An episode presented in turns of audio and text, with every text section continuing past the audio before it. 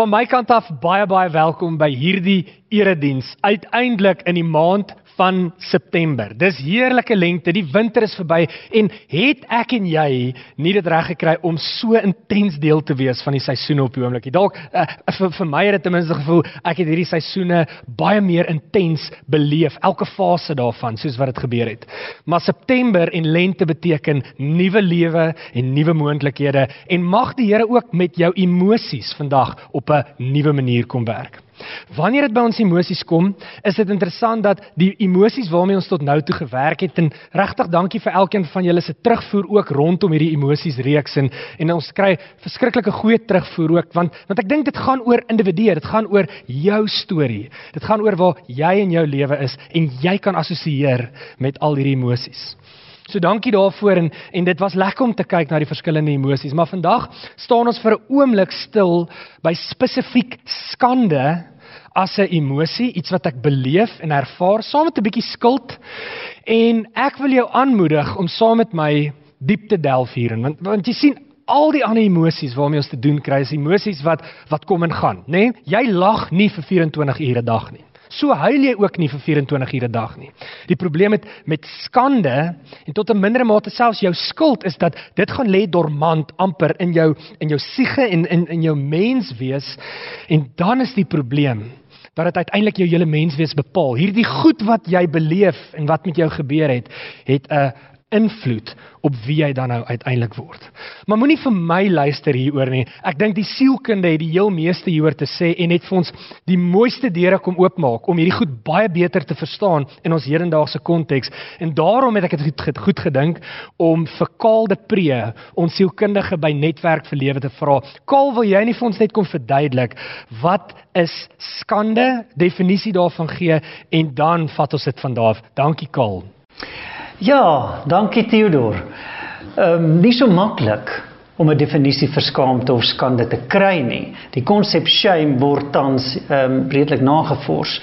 Ehm uh, so ek gee vir julle 'n definisie wat wat redelik aanvaar word. Ons begin sommer by die begin. Dit is die teenwoordigheid van pynlike emosies en ervarings rondom rondom dinge wat sê ek is nie goed genoeg nie. Daar's fout met my. Ek is nie waardig genoeg om liefgehad te word of om iewers te behoort nie. So dit gaan baie meer oor die persoon intern self as noodwendig oor 'n gedrag. So dit is dan mense wat baie keer selfspraak het van ek is nie goed genoeg nie. Ek is dom. Ehm um, ek is lelik. Ehm um, ek is swak Miskien om net 'n voorbeeld te noem. Om vir jouself te sê ek is 'n slegte persoon, is ons dadelik besig met skaamte of shame. Waar as ek sê ek het iets slegs gedoen, dit eerder aan skuld gekoppel sal wees. Maar kom ons bly by skaamte.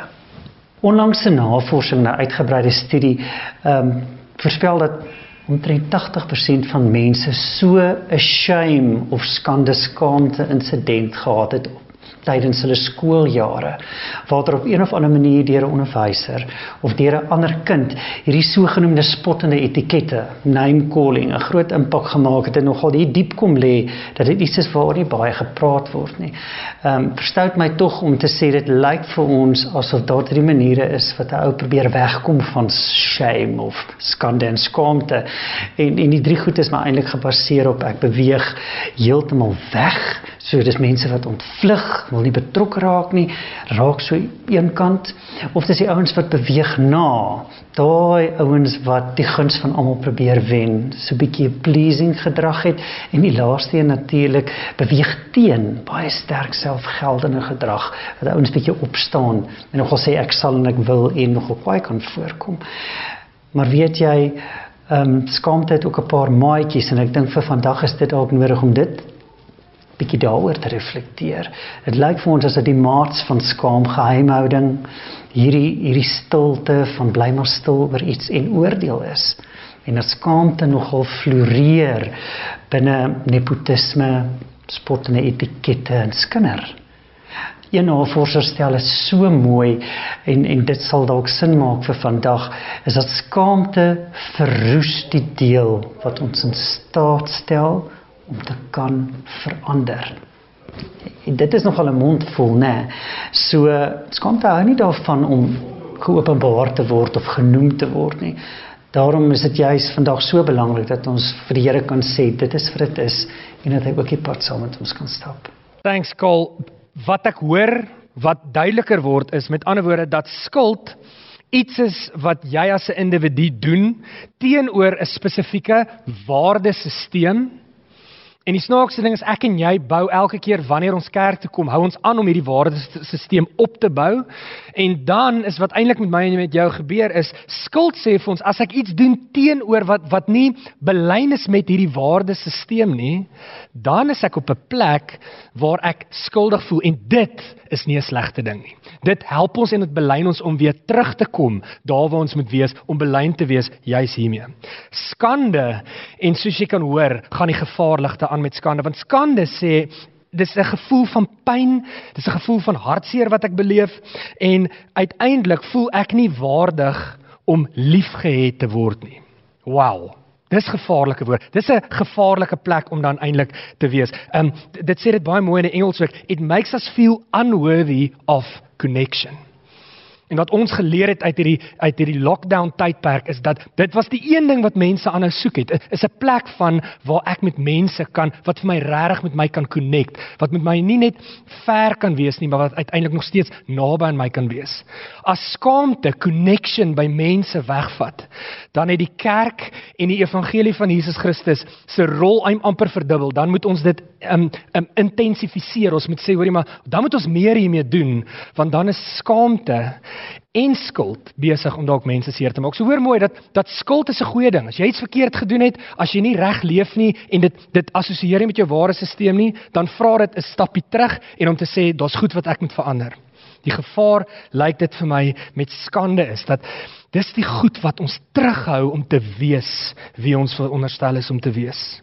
Dit maak ons wegkruip van die realiteite van van die mooi van die lewe, van die seisoene wat verander, want ek is vasgekeer. En uiteindelik maak skande dat sekere mense selfs 'n belewenis skryf van ek wil doodgaan. Ek het nie meer 'n behoefte om aan te hou beklei nie, want hierdie goed wat onderliggend in my in my vasgevang is, maak dat ek nie 'n volgende tree kan gee nie. Maak dat ek voel hierdie lewe het eenvoudig net nie meer sin vir my nie. Daar's niks vir my oor om voort te leef nie. Interessant is dat as jy die Bybel vat, 'n Ou en 'n Nuwe Testament, help dit ons om te verstaan dat dat beide hierdie gemeenskappe tot 'n groot mate juis gefunksioneer het op hierdie konsep van van eer aan die een kant teenoor skande aan die aan die ander kant, nê? Nee, so wanneer dit gegaan het oor eer, het dit gegaan oor om in 'n bepaalde gemeenskap, hierdie Bybelse gemeenskappe, het dit gegaan oor jou posisie, met ander woorde jou status en jou besittings. Al hierdie goed het vir jou eer gegee. So ek wil amper vir jou sê jy moet 'n bril van eer en van skande opsit wanneer ons die Bybel lees en ons sal dit op 'n totale ander manier um kan begin interpreteer. So met ander woorde nou sê ons vir mekaar ja, daar's eer elke keer betrokke, so jy maak nie jy maak nie 'n gemeenskap seer nie, maar jy maak dalk iemand se eer seer of um, um die patriarg in 'n stelsel sou altyd gaan soek het vir maniere om eer te kry. As hy 'n goeie vrou gehad het, was hy was dit eervol, nê? Nee? En die presisie teenoorgestelde was dan nou jy skaamte. Die goed wat jou in skaamte gebring het, was altyd wanneer die gemeenskap waarin jy gefunksioneer het, waarin jy gedoen het wat jy gevoel het jy moet doen, wanneer daai gemeenskap 'n belewenis gehad het dat jy nie reg doen nie, dan het jy skaamte nie net oor jouself gebring nie, maar oor die gemeenskap gebring. So met ander woorde 'n klein voorbeeld hiervan sou gewees het as Jesus ehm um, by besig is om te preek en hulle sê jou ma en jou broers kom soek jou en hy sê vir hulle wie is my ma en my broers? Dan beteken dit baie meer vir daai gemeenskap dat Jesus bring hulle in skaamte, meer as wat dit net is van 'n ongeskikte kind soos wat dit in my en jou leefwêreld sou gewees het. So skaamte is nie vreemd vir die stories wat ons in die Bybel lees nie. Inteendeel ons heel eerste storie wat ons hiervan lees, weet jy, kom voor in die sondeval wanneer Adam en Eva vir die eerste keer sonde doen, dan dan dan kry ons dadelik te doen met skuld Hulle voel skuldig dat hulle um geëet het van die boom van goed en kwaad. So ons kry te doen dadelik met skuld en dan tweedens kry ons te doen met skaamte. Wat doen hulle? Hulle voel vir die eerste keer dat hulle kaal is, dat hulle naak is en dan begin hulle met 'n proses wat ek en jy op 'n daaglikse basis doen. Ons cover amper vir ons wickets. Ons vat blare en ons hou dit voor ons skaamte. Adam en Eva kruip weg in die tuin van Eden en hulle maak vir hulle met blare toe want hulle voel skaam voor God. En is dit nie my en jou storie nie. Elke dag is is soveel van ons besig om op allerlei maniere net vir mekaar te sê hoorie maar ek moet wegsteek die goed wat my terughou, die goed waaroor ek sleg voel, die goed wat wat ek oor skaam is, die goed wat met my gebeur het. Die dinge wat ek gesien het, die goed wat ek gehoor het wat ek nooit moes gehoor het nie. Al hierdie goed help ons dan uiteindelik om dit beter te verstaan.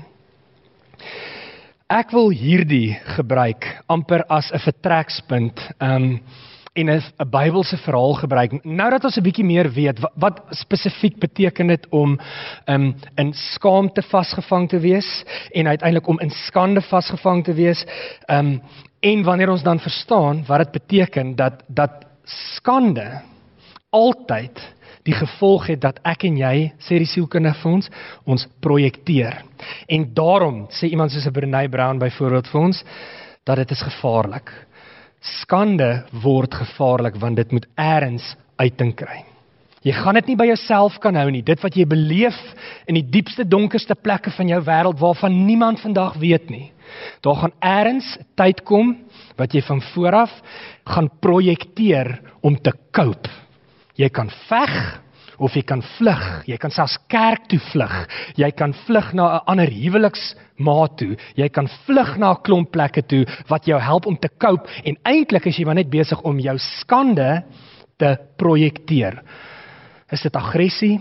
Is dit pornografie? Is dit die manier hoe jy omgaan in jou besigheid? Ek weet nie wat dit kan wees nie. Al wat ek weet is dat skande gaan lê nie net nie. Eerens moet dit uiting kry. En kom ons gaan kyk vir 'n oomblik wat het in Moses se lewe gebeur. Nou ek weet nie hoeveel van julle ken die storie van Moses nie. Ek gaan vlugtig daardeur kyk en dan dan vra jy saam met my eintlik net 'n paar retoriese vrae. Want jy sien Moses gebore in die Riete, um uit 'n Hebreëse konteks in Egipte. Al die kindertjies is mos doodgemaak, Moses is weggesteek. Moses word uiteindelik in die paleis groot. Maar is dit moontlik dat soos wat Moses groter geword het, dat sy identiteitskrisis al hoe groter kon geword het?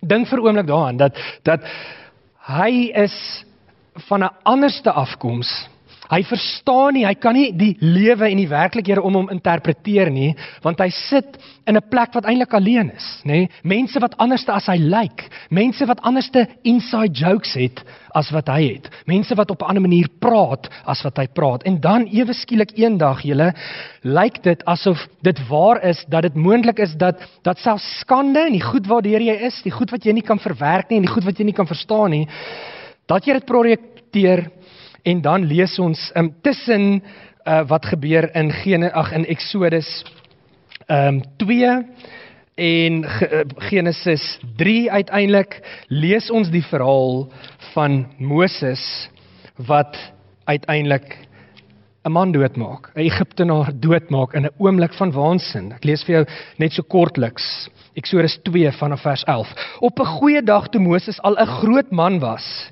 het hy by sy mense gaan kuier. Hy het gesien hoe hard hulle moes werk. Terwyl hy daar was, sien hy hoe Egiptenaar een van sy volksgenote uit die Hebreëse slawe aanrand. Moses het goed rondgekyk en toe hy seker was dat niemand naby is nie, het hy die Egiptenaar doodgeslaan en het hy hom in die sand begrawe. Kan dit wees dat die sneller die trigger point wat wat gemaak het dat Moses amper 'n emosionele kaping beleef en oorgaan in iets wat hy weet nie reg is nie, wat hy kan meet teenoor sy waardesisteem? Kan dit wees dat dat sy skande van van dat hy nooit behoort het nie, die rede kon gewees het hoekom hy dit gedoen het? Is dit Bybels wat ek nou sê? Ek vra retoriese vrae. Vra vra wat nie antwoorde het nie, want ek weet nie, ek wonder net. Wat is dit wat gemaak het dat hy tot op hierdie plek kom? En dan die volgende dag kom hy weer daar en dan kom hy agter hy is uitgevang. dat dat dit wat hy gaan doen het in 'n oomblik van waansin en 'n oomblik van aggressie maak dan dat hy in daai daai oomblik besef hy's uitgevang en skuld tref hom. Maar skuld tref hom nie alleen nie. Dis skande wat maak dat hy sy goed pak uit vrees en hy hardloop weg. En dan soos wat hierdie verhaal aangaan, weet ons wat volgende gebeur in Eksodus 3. Ehm um, wanneer wanneer God hom kom roep om juis hierdie mense te gaan bevry. Hoor mooi, sien iets raak van God. God is die een wat sê jy maak droog. Daar's goed wat nie reg is nie, maar ek kan jou steeds gebruik. Maar maar Moses sê jy kan my nie verder gebruik nie. Kan dit wees dat sy belewenis is dat God moenie my gebruik nie, kry iemand anderste? Is juis as gevolg van hierdie skande wat hy beleef van wat hy gedoen het. Sy tyd in Midian wat hy ver verwyderd was, mag dit wees dat sy skande eintlik sy hele siel en sy sy self-confidence van hom kom wegvat het, sy menswees uit hom kom ruk het, wil ek amper sê en dat dit gemaak het dat hy uiteindelik op 'n plek kom wat hy sê, hoorie maar, Here, ek het eenvoudig ek ek is nie die man nie. Ek kan nie die man wees nie en, en God gaan amper uit sy pad uit om hom aan te oortuig.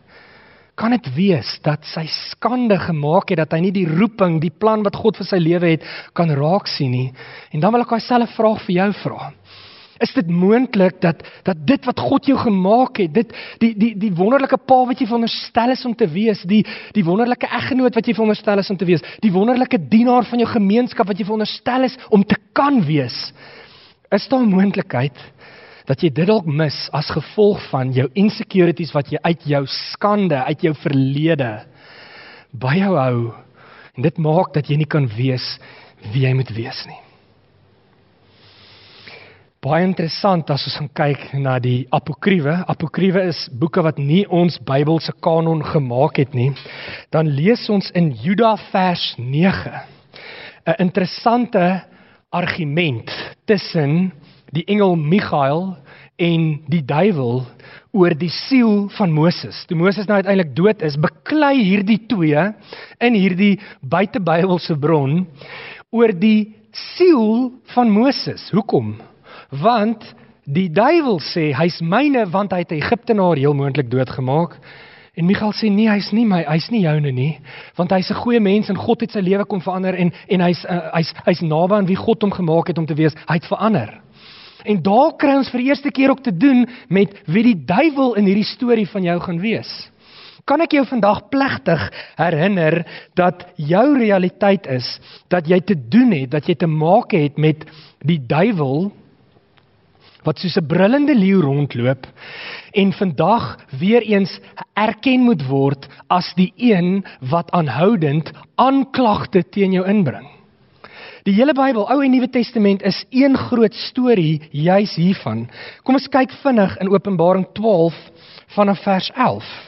Lees ons hierdie triomftog van Jesus wat die bose oorwin en dan verwys hy in vers 11. Lees ek graag vir jou.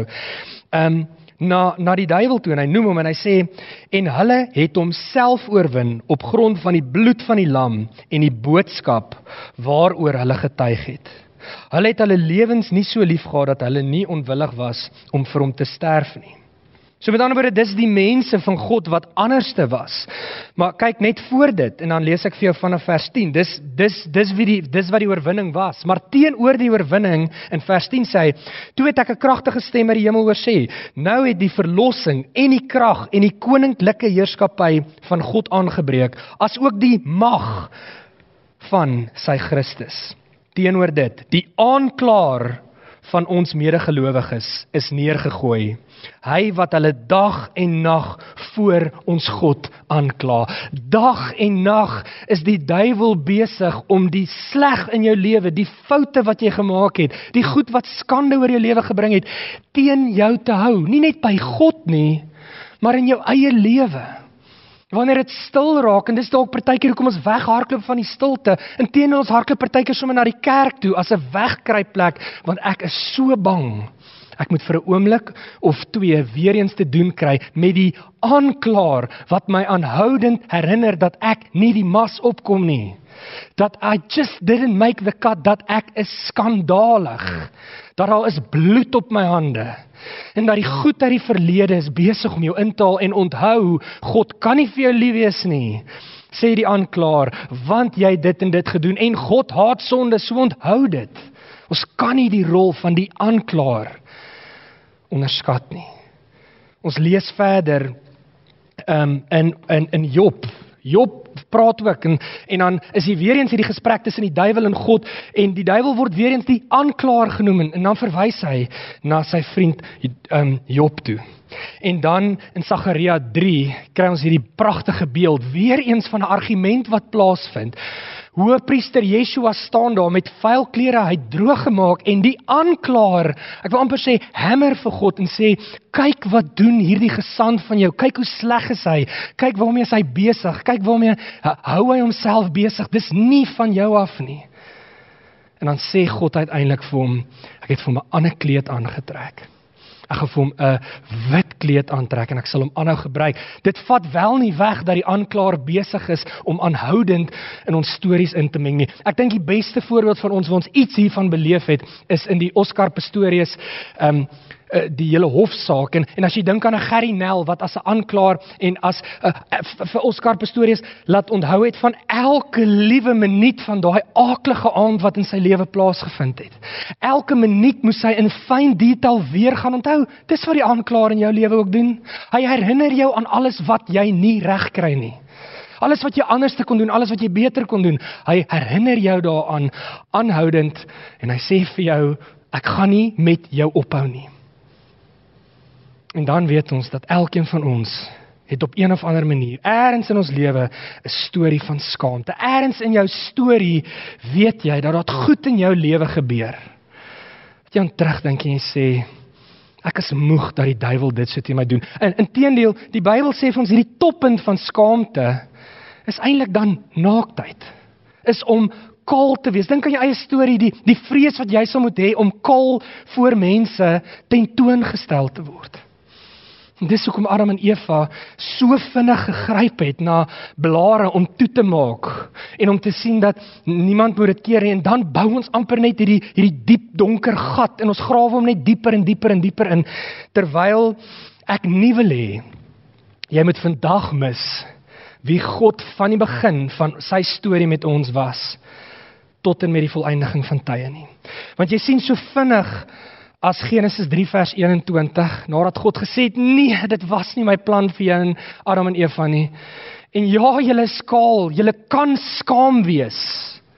Julle is vol skande want ek het vir julle gesê julle moet dit nie doen nie. Julle het wegbeweeg van my volmaakte wil vir julle. Dan gebeur dit. Ek is amper asof God sy sy kop skud en hy kom sê OK. Maar ek gaan in elk geval vir julle klere maak en daai klere wat hy aantrek is dan is dan nie net klere nie. Dis om te sê ek stap die pad steeds saam met mense. Ek gaan saam met jou hierdie pad stap. En dan uiteindelik is daar 'n klimakspunt in hierdie God wat saam met mense hierdie verlossingspad stap. Is wanneer hy sy eie seun roep tot 'n skandalige einde van sy eie lewe aan die kruis. 'n Kaal man wat hang aan die kruis. Wat die wat die heel hoogste vorm van skande is, sê hy ek vat dit alles op myself. Moenie dat die prentjies wat jy in die kinderbybel gesien het en wat jy op YouTube sal sien jou mislei nie. Wanneer Jesus aan die kruis gehang het, dan weet ons hy het kaal vernederd aan die kruis gehang.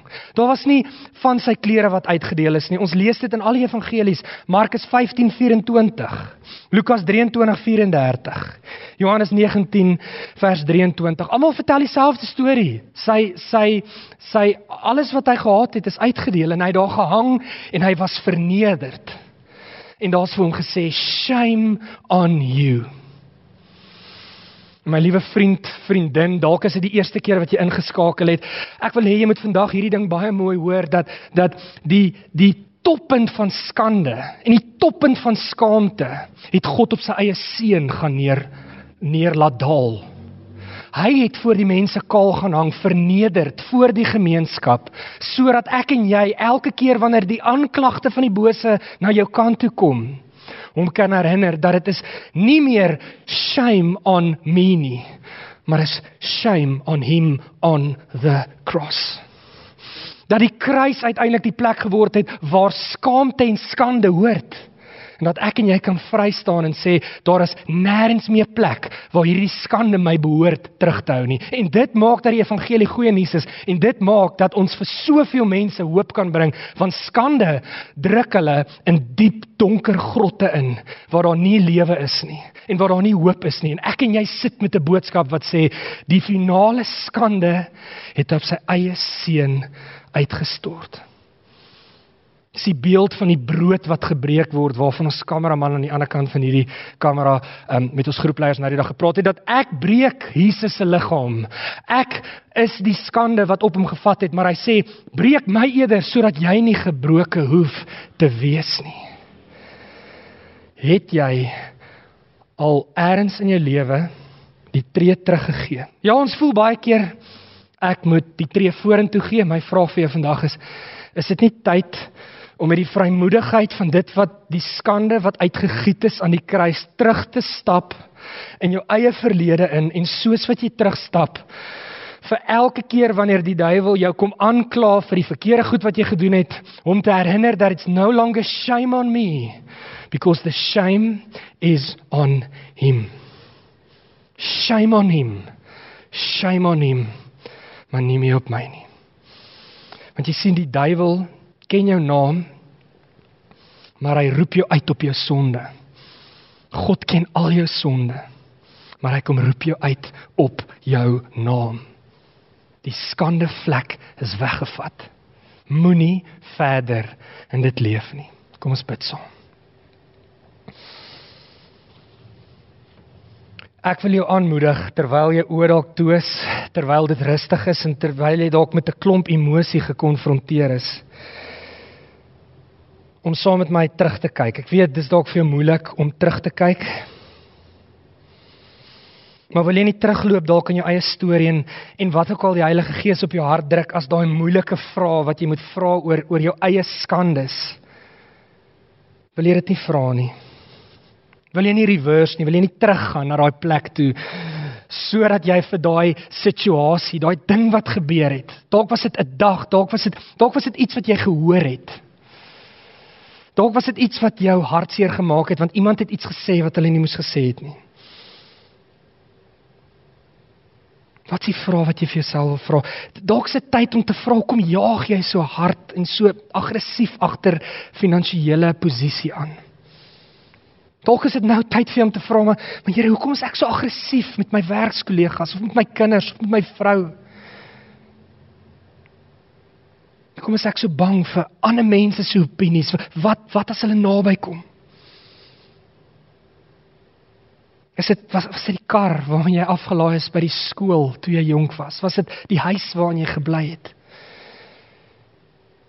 Het iemand dalk vir jou iets in 'n oomblik van pyn gesê? Kan jy vandag hoor dat daai pyn waardeur daai persoon met jou gepraat het, is eintlik maar net 'n projeksie van hulle eie hartseer en eie skande? Is dit nie vandag die geleentheid wat jy moet ingaan om te sê Here no more shame on me because the shame is on him.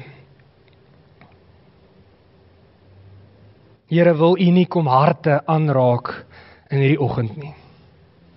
Here wil U ons nie die vermoë gee om rou eerlik te wees oor die skande wat ek besef my terughou nie. Here die roeping, die plan, die die die sending na die wêreld toe. Here, u u nooi my in dit in, maar tog staan ek terug want ek kyk vas aan my skandes. Is dit nie dalk die regte tyd om in 'n tydperk van gender-based violence wat ons so attent is daarop. Is dit nie in 'n tyd van wat ons nou in in Augustus vroue maand gevier het, juis vir ons tyd om om die oorsprong van probleme te gaan soek nie, Here. Kom wys dit vir ons, kom leer ons. Here kom wys vir ons daar's hoop in my skaamte en in my skande. Gee ons die vermoë om eerlik te wees, Here.